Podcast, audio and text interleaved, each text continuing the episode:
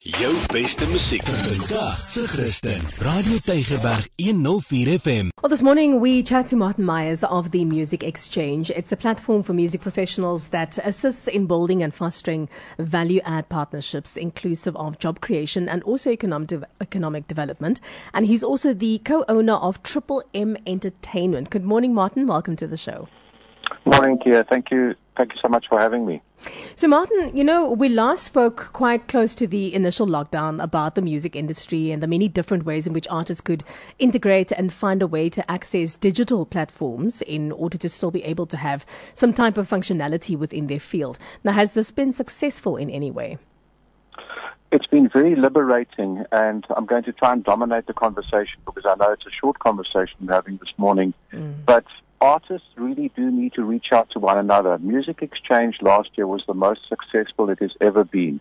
We got hold of global thought leaders such as people like um, Arthur and Charles Goldstuck. Arthur and Charles Goldstuck are born in Trompsburg in the Free State. I have no clue where Trompsburg in the Free State is. Charles Goldstuck runs one of the biggest record companies in the world. Yeah. He's a South African. Um, it won't be familiar to your listeners, but he has an artist by the name of SAINt JHN who has had over 2.6 billion streams with a song called Roses. Wow. Arthur Goldstuck is the most is the foremost internet authority in South Africa. Then yeah. we had a two-time Grammy Award winner, Rachel Z, speak to us, who comes from the Wayne Shorter Miles Miles Davis School of Music. And what this has shown is artists are available, people are available to talk. You have to reach out. Artists need to work with one another. I did extensive work on um, the Ticket Pro platform as well as Quicket. Mm-hmm. Um, they morphed themselves into into streaming platforms. Um, at one stage, Ticket Pro were running like 78 events um, a, a, week um, at the height of the pandemic. And moving forward, and I think this is what we need to do. We need to look to move forward.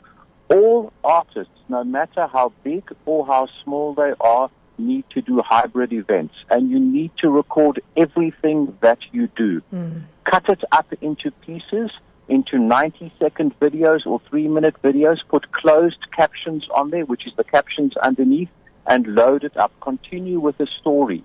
There's an artist, Siphokazi Jonas, who did extraordinary work last year in the poetry field and has just excelled by putting work online so much so that her play We Are Dying Here, which was about gender-based violence, has been turned into a 22-minute movie, which wow. has been helped helped funded by the Kolisi Foundation. Sure. And this was all of a question when she performed with Hot Stix Mabuse. Right at the beginning of the pandemic, I had this video lying around and I thought, oh, well, let's put it up. Sipho hadn't performed it at the Baxter for over 30 years and I recorded it for posterity. And we put it up on the Ticket Pro platform and it's presentation is absolutely sublime. And I said to Siphokazi, you didn't happen to film this play that you did, We Are Dying Here in Johannesburg. She said, yes, I did. I said, hmm. well, let's stop and tail it and let's put it up on this platform. And it took off.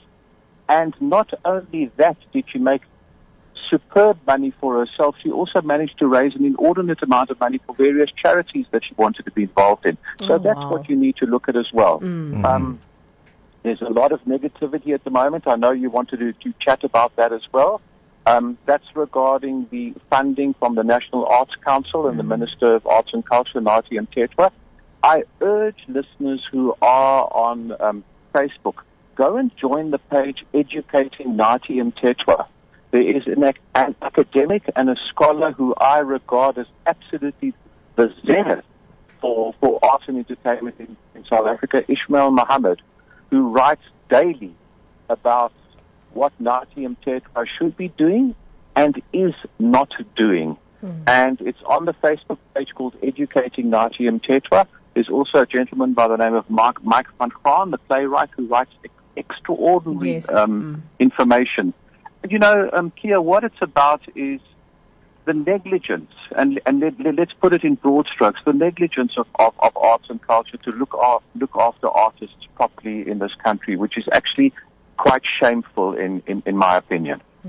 Uh, so, do you have any advice or words, you know, of encouragement for those in the industry or those who are ins- aspiring to be in it? My door is continually open. We've mm-hmm. just gone around the Western Cape, courtesy of the Department of Culture and Sport in the Western Cape. We found a wonderful gospel artist in Grabouw called Quentin Bartman. He reached each, reached out to us. Um, I have all the talks on sticks. If you can't afford to download them, our doors are open. It is all about Anton. It is all about networking and working together.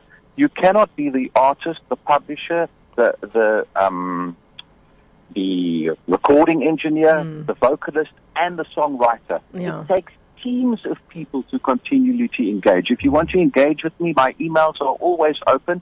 It's info at musicexchange.org.za.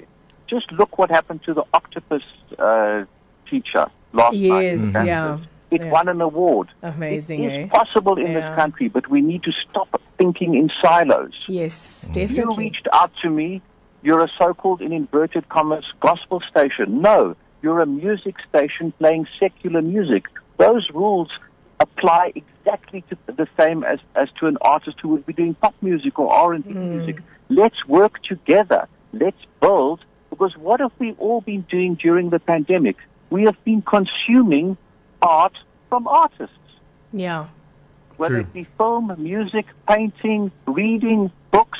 It's art. Exactly. That's Exactly. what true. kept us alive.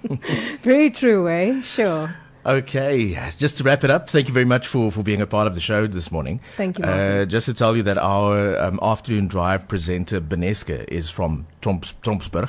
Ah, Trompsburg. Oh, wow. Um, Something And- I'm finding out now. yeah, and, and that is in uh, the Free State, and it's 119,1 kilometers from Bloemfontein. so, I just wanted to, you know, let you know. Ah, that is so, that's interesting. Something I learned about Beneska today. Trompsburg. Okay. Trompsburg, yeah. Right. Thank you very Martin, much. thank you. Uh, Martin, thank you. It's an absolute pleasure. Thank you for having me. Take care. Take care. Bye. Bye. Jou beste musiek vandag se Christen. Radio Tygerberg 104 FM.